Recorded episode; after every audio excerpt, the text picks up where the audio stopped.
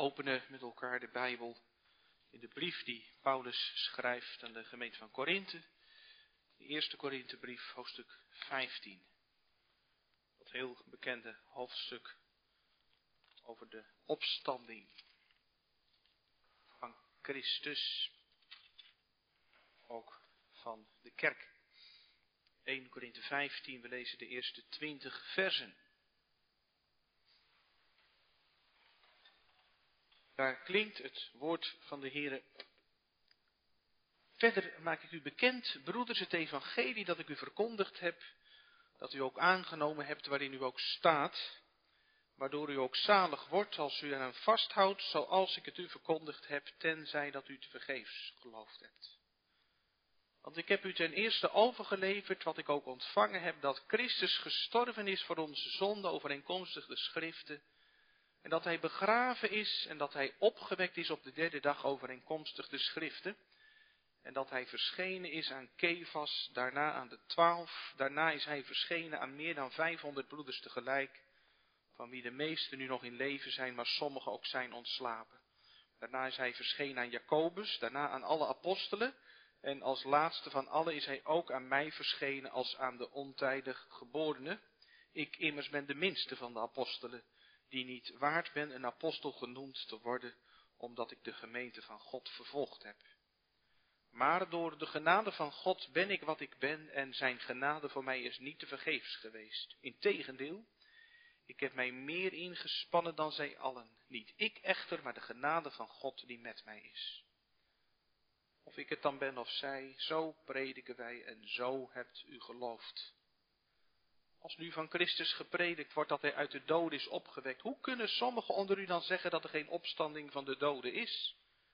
En als er geen opstanding van de doden is, dan is Christus ook niet opgewekt. En als Christus niet is opgewekt, dan is onze prediking zonder inhoud en zonder inhoud is ook uw geloof.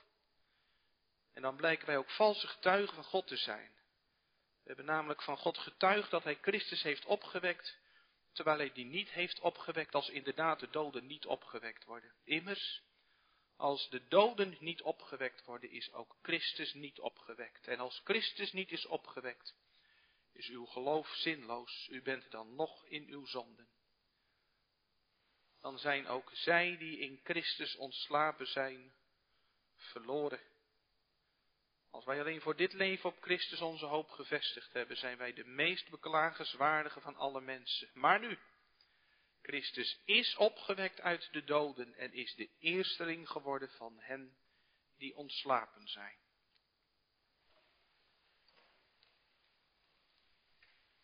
Dat is het woord van God voor deze avond. Lezen ook de catechismus. Zondag 17.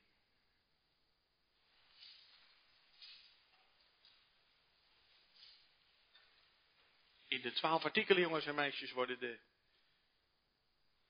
trappen van de vernedering genoemd, beleden, weet je nog? De Heer Jezus gaat een weg de diepte in, hij is uit de hemel gekomen, hij is geboren. Hij heeft geleden, hij is gekruisigd, gestorven, begraven, neergedaald tot in de hel, steeds dieper. En dan, maar op de derde dag opgestaan uit de doden. Dan gaat de weg van de Heer Jezus weer omhoog. Het treden van de verhoging. Nou, het gaat vanavond over de eerste treden van de verhoging, opgestaan op de derde dag. En dan vraagt de catechismus wat wij daar nou aan hebben. Wat nut ons de opstanding van Christus. En het is een glashelder antwoord in drie punten. Ten eerste heeft hij door zijn opstanding de dood overwonnen, opdat hij ons de gerechtigheid die hij door zijn dood ons verworven had, kon deelachtig maken.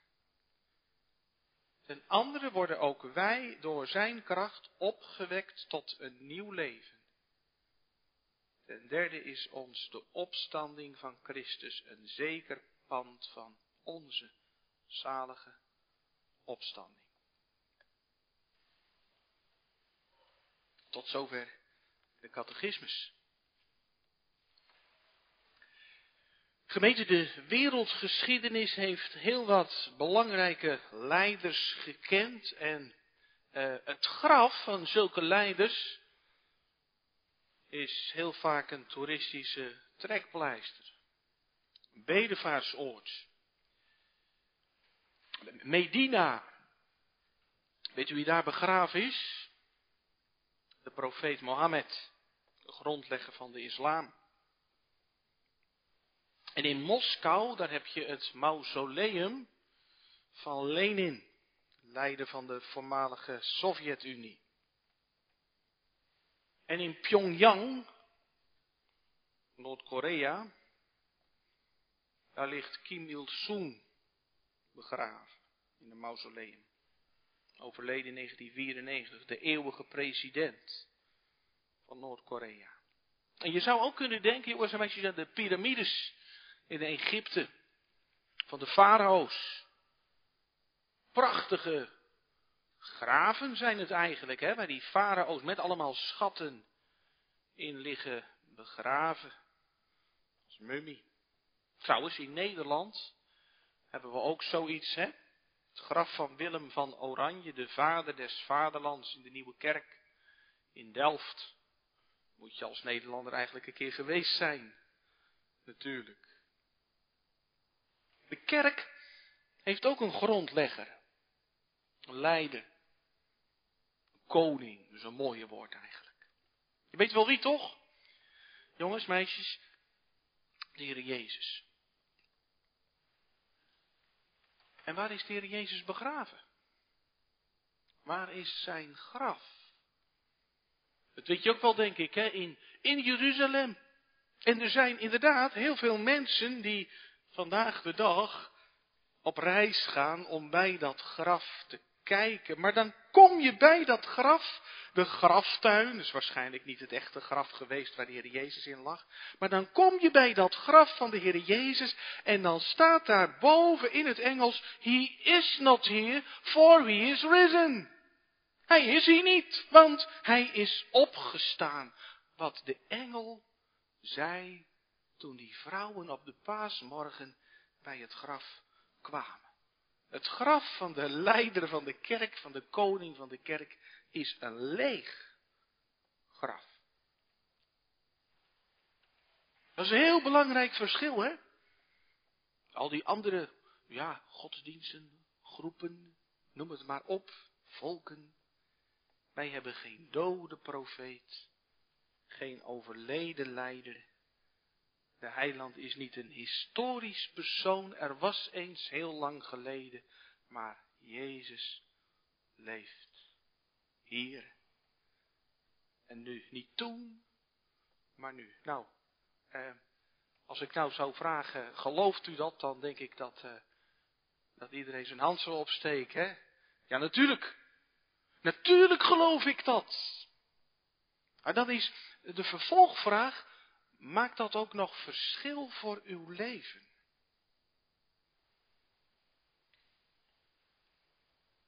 Misschien heb u uh, die uh, vroeger wel eens gezien van die posters op de NS-stations waar uh, op stond Jezus leeft. Evangelisatieposters en een keer had iemand er met rode viltstift onder gezet. Nou en? en Jezus leeft, maar dus? Stel dat het geen Pasen was geworden, zou dat dan verschil gemaakt hebben? Stel dat het nooit Pasen was geweest, had dat verschil gemaakt voor deze kerkdienst die wij vanavond uit de hand van de Here ontvangen. Stel dat het nooit Pasen was geworden, had het verschil gemaakt voor de nieuwe werkweek die morgen weer gaat beginnen. Als je weer in de klas zit of op de bedrijfsvloer bent. Maakt dat eigenlijk uit, Pasen? De Heer Jezus heeft toch aan het kruis gezegd, het is volbracht. En we hebben het onderwijs van de Heer Jezus toch in de Bijbel, dat staat op schrift. Wat voegt Pasen eigenlijk toe?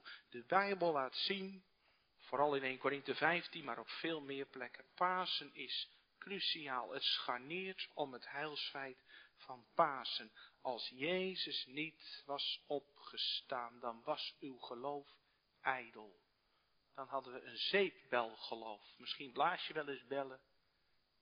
Prachtig. En ineens is het pad. En dan is het voorbij. Is het christelijk geloof ook zo'n zeep? Wel, nee. Want Jezus is opgewekt. Hij is de eersteling geworden van degenen die ontslapen zijn. Wat maakt Pasen voor verschil? De catechismus noemt drie dingen, dat zijn ook de drie punten van de preek. Pasen heeft betekenis voor uh, de rechtvaardiging. Dat gaat over het verleden, zeg maar, over mijn verleden. Paas heeft ook betekenis voor de heiliging. Gaat ook over vandaag, over mijn heden. Paas heeft ook te maken met de verheerlijking of de heerlijkmaking. Mijn toekomst, onze toekomst. Jezus leeft. Rechtvaardiging, heiliging, heerlijkmaking, verleden, heden, toekomst. Het is trouwens wel heel opvallend. Als je de catechismus gaat lezen. Voor moderne mensen slaat de catechismus misschien wel even iets over. Ja, dan kun je natuurlijk wel zeggen dat de Heer Jezus is opgestaan uit de dood, maar kun je dat bewijzen? Heb je daar een bewijs voor? En, en, en, en dat er aan het eind van de tijd een opstanding uit de doden is, dat er, dat, er, dat er leven is na dit leven, geloof je zelf, er is er nooit eentje teruggekomen. Nou goed om daar heel even op in te gaan, dat doet Paulus namelijk ook in 1 Korinthe 15 en hij vertelt dat er wel eentje is teruggekomen. Niet zomaar één, maar de koning van de kerk, Jezus Christus. Welk bewijs noemt Paulus in 1 Korinthe 15 voor de opstanding van de Heer Jezus uit de dood? Hij zegt eenvoudigweg, er zijn te veel ooggetuigen die de Heer Jezus hebben gezien na de opstanding. Hij noemt ze. Petrus, Kefas. De twaalf en hij noemt vooral ook die 500 broeders in één keer. En dan zegt Paulus erbij, sommige van hen zijn inmiddels overleden, maar het merendeel leeft nog. Paulus zegt, weet je, weet je wat je moet doen? Ga het maar vragen. Het zou toch te zot voor woorden zijn als 500 mensen precies dezelfde leugen vertellen. Of precies dezelfde waanvoorstelling hebben gehad. Het zijn betrouwbare getuigen die de levende Jezus hebben gezien en die dat hebben overgeleverd aan andere betrouwbare getuigen. En zo hebben wij het ontvangen van betrouwbare getuigen. Jezus leeft. En het is heel mooi dat Paulus er dan ook bij zegt, uh, het is naar de schrift. En ook ik heb hem zelf ontmoet. En trek dan de lijn maar door. Dan zegt u misschien ook wel mee vanavond, weet je, al roept de hele wereld, Jezus is dood. Ik weet wel beter, u kent wel dat verhaal van Billy Graham, hè? Tegen wie ze ook op een keer zei, heb je het gehoord, Billy? Eh, God is dood. En hij eh, glimlachte en zei, oh, ik heb hem anders vanmorgen nog gesproken. Als de Heer Jezus Christus levende werkelijkheid voor je is dan weet je wel beter, ik heb hem ontmoet. Maar wat voegt Pasen dan toe aan Goede Vrijdag? Aan ons concentreren op dat, eh, dat, dat eerste aspect, wat, wat Pasen betekent, wat je er nou aan hebt. Pasen is het bewijs, het bewijs van de hemel dat onze schuld is betaald. Er zijn eh, steeds meer supermarkten uh, waar je zo'n zelfscan hebt. Hè? En ik wou er eerst niet aan. Want ik dacht, ja, ik vind het wel gezellig om even een praatje te maken met degene die achter de kassa zit. Allemaal zo onpersoonlijk, maar inmiddels uh, doe ik het ook wel eens. Want uh, je kunt het gelijk in je tas doen. Hè? Maar dan kom je bij de kassa, de betaalpaal, of hoe heet het? En dan, moet je, dan, moet, dan moet je betalen met je betaalpas. Boodschappen afrekenen. En hoe weet je dan of het gelukt is? Wanneer zijn je boodschappen betaald? Nou, dan komt er uit de paal een bonnetje. En dat bonnetje heb je nodig. En dat hou je dan weer voor de, uh, het, lampje bij het hekje. En dan zwaait het hekje open en dan kun je uh, de winkel verlaten. Nou, Golgotha heeft de Heer Jezus Christus betaald met zijn kostbaar bloed. En als iemand dan de vraag stelt, was het genoeg? Is alles betaald? Dan zegt God van de hemel, ja. Als één zonde niet betaald was geweest, dan was Jezus niet opgestaan, dan was het graf gesloten gebleven. Lam van God draagt de zonde der wereld op zijn nek naar het kruis. En dat hebben we in de vorige leerdienst gezien. Afspraak is afspraak. Het loon op de zonde is de dood. Jezus neemt die prijs voor zijn rekening. Hij gaat de dood in. Maar zijn offer, zijn betaling is zo volkomen, de dood heeft geen recht meer op Jezus. Hij staat niet meer in de schuld. Als ik afgerekend heb bij de supermarkt, dan sta ik niet meer bij de supermarkt in de schuld, maar dan mag ik naar huis met mijn boodschap. Het is een heerlijk evangelie. Waar loopt u mee? De duivel is een ongelofelijke gemeenerik. Die het probeert ook in onze dagen om mensen, om jongeren, om ouderen wanhopig te maken. Wat jij deed. Daar is geen vergeving voor. En Pasen verkondigt ons, maar nee, daar is vergeving. Als een gevangene veroordeeld is, bijvoorbeeld tot de 15 jaar cel, dan, dan breekt er ook een keer de dag aan dat de gerechtsdienaar eh, de deur van de gevangenis open doet en zegt in naam der wet, u bent vrij, want de straf zit erop. 15 keer 12 maanden. En zo is het met het graf van de Heer Jezus. Dat open graf laat ons zien. De schuld is betaald. Hij is een verzoening voor onze zonde. En niet alleen voor de onze, zegt apostel Johannes, maar ook voor de zonde van de hele wereld. Maar dan zegt de catechismus er iets belangrijks bij. Die vergeving die de Heer Jezus heeft verworven, die moet worden uitgedeeld. Of eh, om, het, om, het, om het anders, om het klassiek te zeggen, het moet toegepast worden.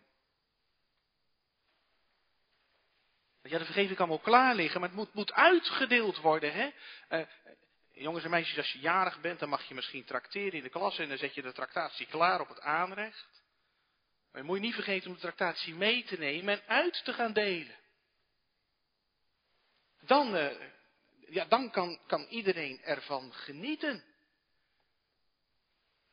De genade, de vergeving moet worden toegepast. Het is niet zo dat de Bijbel leert, Jezus stierf aan het kruis, de schuld is betaald, oh dus mijn zonden zijn vergeven. Dat is de leer van de alverzoening. Nee, het heil moet worden toegepast, persoonlijk. Het ligt niet voor het grijpen, of ja, het ligt wel voor het grijpen. Het, het, het, het, ligt, het, ligt, voor het, het ligt gratis en voor niets klaar, alleen niemand komt erom. Dat is het aangrijpende. Er is niemand die God zoekt. En nou is het heerlijke, en daar wijst de catechismus op, het kan toegepast worden, want Jezus leeft. Hij is opgestaan en de vergeving die hij heeft verworven, die komt hij uitdelen. Hoe doet de Heer Jezus dat dan? Nou, laten we weer kijken naar de Bijbel. Als de Heer Jezus is opgestaan op de paasmorgen, dan gaat hij niet smiddags naar de hemel. Maar daar zitten veertig dagen tussen Pasen en hemelvaart. En wat doet de Heer Jezus dan? Hij verschijnt aan zijn kerk, aan zijn volgelingen. Hij verschijnt als de levende. En wat doet hij dan? Hij spreekt. Hij is de goede herder die zijn schapen, zijn verstrooide schapen opzoekt. Hij laat zijn stem klinken. Een dode zegt geen woord. Maar een levende die spreekt. Let maar op. De vrouwen op de morgen van de opstanding, wees gegroet. Shalom. Maria, met haar tranen, vrouw, waarom huil je? Of de discipelen die achter die gesloten deuren zitten, vrede zij u. En de Emmausgangers die de verkeerde kant oplopen. En de Heer Jezus loopt mee en geeft onderwijs. Hij spreekt. Moest de Christus niet lijden? Zo doet de Heer Jezus dat blijkbaar. Hij spreekt je aan. En als je aangesproken wordt, dan gebeurt er wat. Want het woord van God is een kracht tot zaligheid. Je ziet het bij de discipelen, hun angst wordt blijdschap. Je ziet het bij Thomas, twijfel wordt aanbidding. Je ziet het bij Petrus, er zit wat tussen. Petrus, heb je mij lief? En dan wordt het uitgepraat. De vergeving toegepast. Wijd mijn schaap. En Paulus, stilgezet. Stem van de levende klinkt. Ik ben Jezus. En hoe doet de Heer dat nu? Ja, eigenlijk nog steeds op dezelfde manier. Hij zoekt mensen. En spreekt ze aan. En Jezus heeft gezegd tegen de discipelen, wie u hoort, hoort mij. Wie naar jullie luistert als de apostelen, door mij gestuurd, die hoort mijn stem. En zo is het nog. In de apostolische prediking, zoals wij die zondag op zondag mogen horen, klinkt de stem van Jezus. Wat is het heerlijk als je dat soms ook merkt, hè? Dat alles wegvalt en dat het een beetje is zoals toen op de berg van de verheerlijking. Ze zagen niemand dan Jezus alleen. Dat het woord door de geest van God zo wordt binnengedragen in je hart dat je zegt, ik heb het zelf zijn mond gehoord. Het gaat niet zozeer om een verklaring van de opstanding, maar om een ontmoeting met de opgestane. En daarom hoop ik altijd maar als ik op de preekstoel sta dat ik de Heer Jezus niet te veel in de weg zit, maar dat u door het woord de heiland ontwaart en zijn stem verneemt. Dat je niet zegt, als je uit de kerk komt, dat was een mooie preek, dat je zegt, ik heb het kruis gezien. Ik heb Jezus ontmoet. Ik heb zijn stem verstaan. Ik ben het brood des levens. Wie tot mij komt, zal nooit meer hongeren. In mij gelooft, zal nooit meer dorsten. Daarom kun je trouwens geen kerkdienst overslaan, hè? Als je in de klas zit en er is een tractatie, nou ja, vlak voor de pauze als er getrakteerd gaat worden, dan ga je niet naar de wc. Stel je voor dat je de tractatie misloopt. Stel je voor dat je misloopt. Wat de Heer Jezus komt zeggen en uitdelen. Hij deelt de gerechtigheid uit. Wat is gerechtigheid? Gerechtigheid is dat je van binnen en van buiten helemaal beantwoordt aan de wil van God. U zegt, was dat maar waar? Was dat maar mijn leven? Als je zo in de kerk zit, als je daar verlegen bent. Als je schuld je dwars zit, als je voelt, vaart, weet, ik kan niet sterven. Zoals ik geboren ben. Als je met de tollenaar stilletjes meebidt. Oh, God wees mij zondaar genadig. Of als je het uitroept zoals de vader van die maanzieke jongen. Ik geloof, Heer, kom een ongeloof te hulp. Als je zo naar het woord hoort met een biddend hart, dan mag je de stem van de Heere vernemen. Indien wij onze zonde beleiden. God is getrouw en rechtvaardig om ons de zonde te vergeven en ons te reinigen van alle ongerechtigheid. Dan komt de Heer naar je toe, meteen aan het begin van de dienst. Genade voor u. Vrede. Kun je in de supermarkt niet krijgen. En hier wordt het zomaar in de schoot geworpen. Want waar twee of drie mijn naam bijeen zijn, zegt de heiland, daar ben ik in het midden. En wij dan gerechtvaardigd uit het geloof hebben vrede bij God. Wat een rust, wat een houvast in leven en in sterven. Maar is niet alles. Tweede nut, wat heb ik nog meer aan Pasen? Paas heeft ook te maken met de heiliging, met de vernieuwing van mijn leven. En als het gaat over heiliging, dan hebben wij misschien heel automatisch een beetje het idee van, ja, dan komen wij aan zet. Bij de rechtvaardiging gaat het over wat de Heer Jezus heeft gedaan voor ons op Golgotha. En bij de heiliging, ja, dan zijn wij aan zet. Mouwen opstropen. Dat is toch, dan moet, je, dan, moet je, dan moet je je best doen om de geboden van God te houden. En je moet uh, werk maken van je stille tijd. En je moet getuigen van de hoop die in je is. En je moet,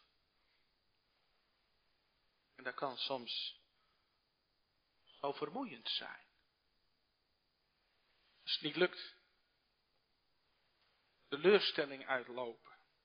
Groeien in het geloof, toewijding, liefhebben, zelfverloochening. En jullie krijgen die van de grond. Probeer een beter mens te worden, maar het breekt me iedere keer bij de handen af. Ik las een keer over een jongen die pas beleidenis had gedaan. En iedere avond voordat hij ging slapen, zette hij achter de beleidenisplaat die hij aan de muur had gehangen boven zijn bed een kruisje, een potloodstreepje. En toen zijn moeder eh, op zijn kamer kwam voor de grote schoonmaak, haalde ze dat lijstje weg en toen zag ze achter die beleidingsplaat op de muur allemaal potloodstreepjes staan. En toen vroeg ze, is dat? En toen zei die jongen, dat zijn al mijn nederlagen. Zolang ik streepjes moet zetten, durf ik niet te geloven dat ik een kind van God ben. Dus zijn moeder liet die potloodstreepjes staan. Ging het lijstje terug. Maar eerst zetten ze er met rode stift iets doorheen. Het bloed van Jezus Christus, Gods Zoon, reinigt ons van alle zonde. Toen die jongen s'avonds weer een streepje wilde gaan zetten, toen las hij die tekst. En dat kwam binnen. En hij zei, het werd feest in mijn hart. Alsof de opstandingskracht van Christus in je hart wordt gelegd. Want dat evangelie, dat werkt wederliefde. Dat zal ik met Gods gunst overladen. Die trouwe Heere voor zijn genade vergelden. Dan is het geen moeten meer, maar liefde. Pure liefde. Jezus is niet dood in zijn graf. Zij iemand is, Jezus is ook niet dood in de gelovigen. De evangelie laat ons zien dat de heiliging ja, aan de ene kant wel opdracht is, maar dat het tegelijk niet mijn werk is, maar zijn werk in mij. Door zijn kracht worden wij opgewekt tot een nieuw leven, zegt de catechismus. Als de verbinding er is met de Heer Jezus, dan, ja, dan gaan mensen merken. Zeker als je in de wereld hebt geleefd, en dan zeggen mensen misschien wel tegen je, wat is er met jou gebeurd? Wat is er met jou aan de hand? En dat meisje wat iedere zaterdagavond naar de discotheek ging totdat het anders werd. Ze ging niet meer mee. Sorry jongens, ik heb er geen zin meer in. Vroeger een feestbeest. En nu verlegen om andere dingen, om de stem van de Heer te verstaan en dingen te leren over God en zijn koninkrijk. Johannes 15 gebruikt dat prachtige beeld van de wijnstok en de ranken. De Heer Jezus zegt, ik ben de ware wijnstok en jullie zijn de ranken. Wat moet een rank doen? Een rank moet alleen maar vast blijven zitten aan de wijnstok. Blijf in mij en ik in u. Dat is zo'n verootmoedigend beeld, want een rank is eigenlijk niets anders dan een holvat. Er zijn hollen Maar het is ook zo bemoedigend. Rang hoeft niks dan alleen maar vast te zitten. Wie in mij blijft en ik in hem, die draagt veel vrucht. En daarom is de cruciale vraag, bent u afhankelijk van de levende heiland? Leeft u in verbondenheid met hem of kunt u het zelf? Ouders niet meer. Vroeger kon hij het zelf. Ik had dit en ik deed dat en ik was zus. Hij had spierballen tot en met. Maar dan, opdat ik hem ken en de kracht van zijn opstanding, verlangen om uit de opgestane Christus te leven. Een mooi voorbeeld daarbij vind ik altijd uh, uh, de, de, de trolleybus in Arnhem. Was wel eens in Arnhem geweest. Jongens en meisjes, weet je wat een, eh, een trolleybus is? Een trolleybus is eigenlijk een kruising tussen een bus en een tram. De trolleybus heeft geen rails. Je kan net als de bus naar links en naar rechts sturen. Je zelf wat sturen. Maar een trolleybus heeft ook geen brandstoftank. Alleen maar een beugel. En, en, en, en daarmee zit hij aan de bovenleiding vast. Dat is een prachtig beeld voor het christenleven. Een trolleybus, zolang die beugel aan de bovenleiding vastzit, kan die bus rijden. Is er energie, licht, warmte in de bus. Als het contact verbroken wordt, valt alles weg. Een christen is stijl afhankelijk van boven. Van Christus. zonder de omgang met Hem staat alles stil en wordt het koud en donker en vloeit al het leven eruit weg. Heiliging is niet spierballen kweken, niet handen uit de mouwen, maar handen gevouwen, groeien in afhankelijkheid. Ik las trouwens ergens dat op dit moment de, de trolley 2.0 wordt ontwikkeld. Dat is uh, een trolleybus die ook voorbij de bovenleiding nog kilometers kan doorrijden. Nou, dat heb je misschien wel bij de trolleybus maar je hebt niet Christen 2.0. Zonder de Heer Jezus wordt het niks. Ik heb u altijd van noden, dag en nacht. Slechts uw genade verwint des boze macht. Paulus zegt dat ook in Colossense 3. Indien u dan met Christus opgewekt bent, zoek de dingen die boven zijn, waar Christus is. Niet waar een, ideaal is of, of waar regels zijn, maar waar Christus is. De levende omgang met Hem. Dat is misschien wel de grootste vijand voor een heilig en toegewijd leven. De grootste vijand in onze dagen. Dat we zo ongelooflijk druk zijn.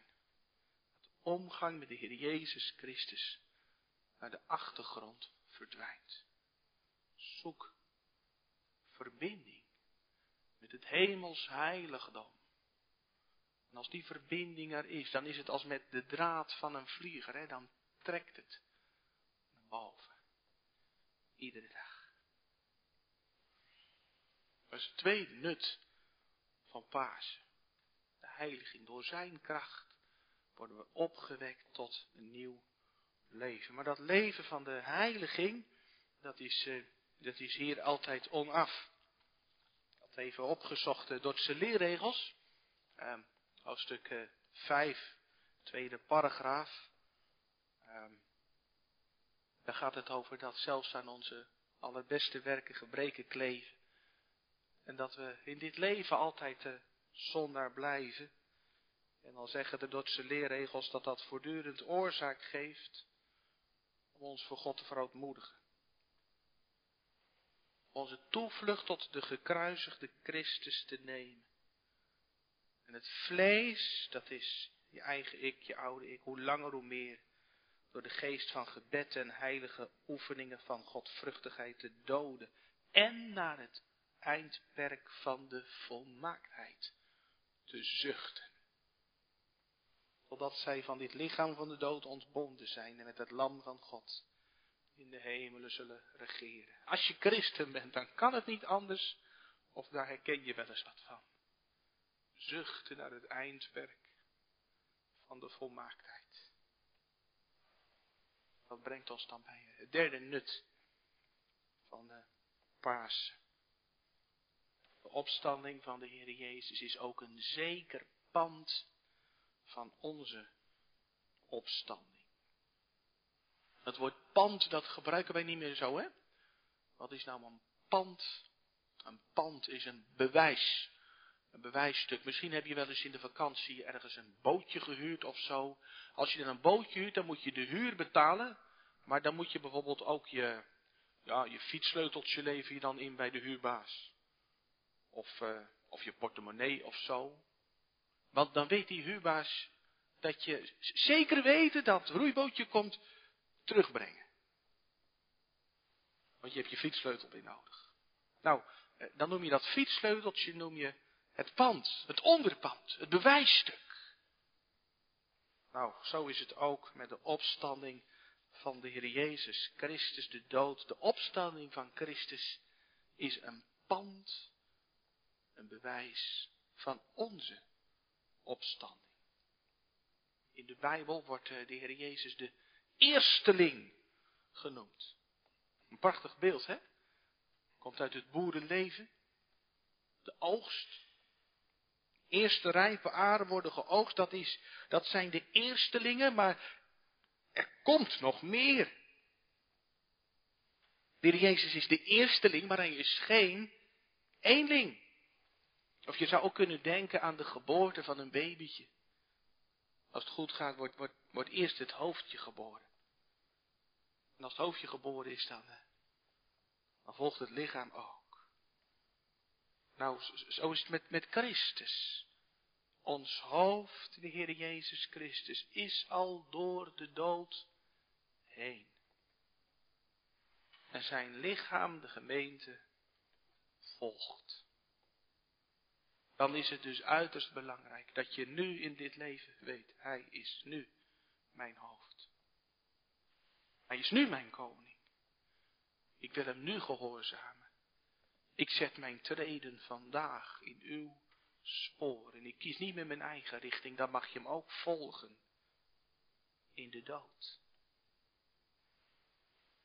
Jezus is door de dood heen gegaan. Lazarus die kwam terug aan deze kant van het graf. De Heer Jezus aan de overkant van het graf. Daar is hij opgestaan.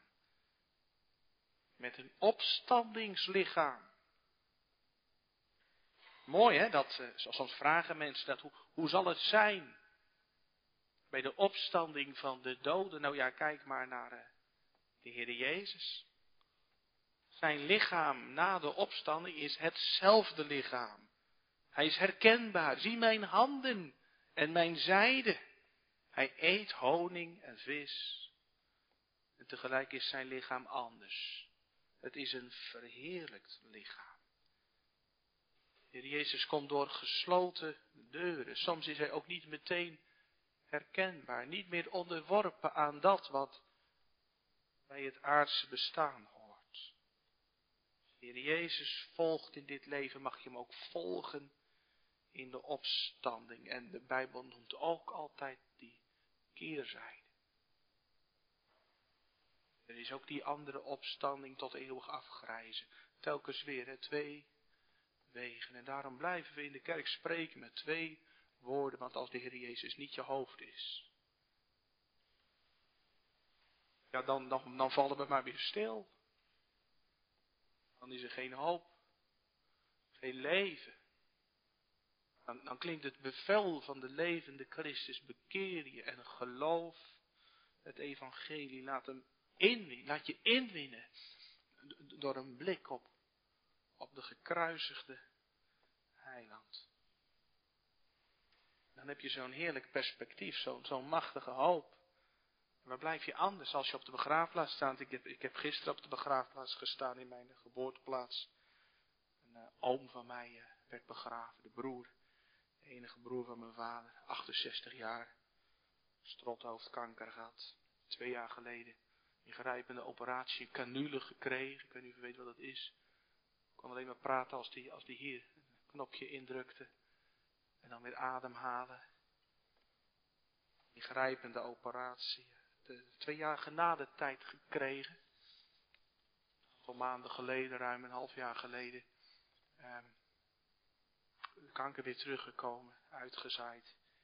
Niets meer aan te doen. En, en zelf heel nadrukkelijk dat beleefd als, als genadetijd. Waar de Heer zich ook uh, niet onbetuigd gelaten heeft.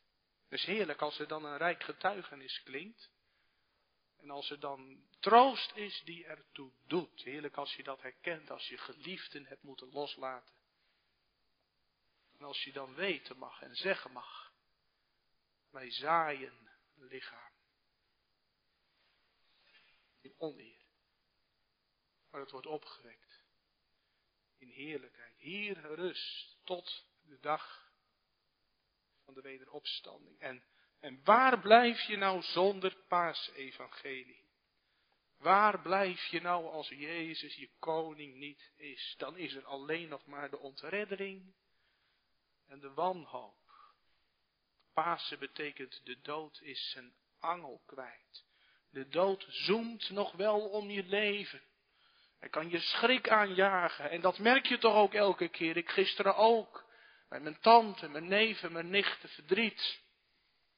Zo hard, die dood. Diepe kuil. En toch, de dood kan de gelovige niet meer steken, omdat hij Christus heeft gestoken. En dan gaat dat inderdaad wel eens dwars door elkaar heen. Gisteren heel opvallend, we liepen de begraafplaats op. Het was ongeveer kwart voor twaalf. En eh, toen eh, luidden de doodsklokken. Zo'n eh, sombere, eentonige klok. Maar op zaterdag en zondag dan luiden in huizen om twaalf uur altijd alle klokken in alle kerktorens van heel huis. En dat is, dat is een feest om te horen. En uh, die rouwklok gisteren, die was nog niet klaar met slaan. Of, of het ging over in, in, in, het, in het gejuich, het gejubel. En dat overstemde die rouwklok. Dat is het evangelie, dacht ik. Nu luidt nog iedere dag die doodsklok, maar het is bijna twaalf uur. De laatste bazuin zal slaan. Jezus komt en alle klokken zullen luiden. Die in Christus gestorven zijn, zullen eerst opstaan. Paulus zegt, daarna wij, die levend overgebleven zijn, zullen samen met hen opgenomen worden. De Heere tegemoet, een ontmoeting met Hem. En alzo zullen wij altijd met de Heere wezen. Als troost die hout snijdt, die er echt toe doet. En voor die troost heb je de kerk nodig. Maar dat valt niet mee. In een gebroken wereld vol te houden. En de hoop levend te houden. Ik kwam een schitterend beeld tegen bij het voorbereiden van de preek. De kerk is als een moeder. In de wieg ligt een kindje te huilen. En dan komt mama eraan. En die tilt haar babytje op. En ze zingt een lied. En de baby hoort een vertrouwde stem. En stopt het huilen. Is de kerk moeder die een paarslied zingt. Wij huilen wat af. Misschien zit je er middenin. Kerk zingt een paarslied. Wij horen de vertrouwde stem van Jezus. Ik ben dood geweest. En ik leef tot in alle eeuwigheid. Oog omhoog, hart daarboven. Dan kun je getroost bedevaart. Niet naar het graf van de heiland in het aardse Jeruzalem, naar zijn troon in het hemels Jeruzalem. Daar zal ik mijn Heere ontmoeten. Luisteren naar zijn liefdestem, naar geen smart meer en geen tranen. In het nieuw Jeruzalem vertroost elkaar met deze woorden. Dat is genoeg voor gisteren, vandaag en morgen. Amen.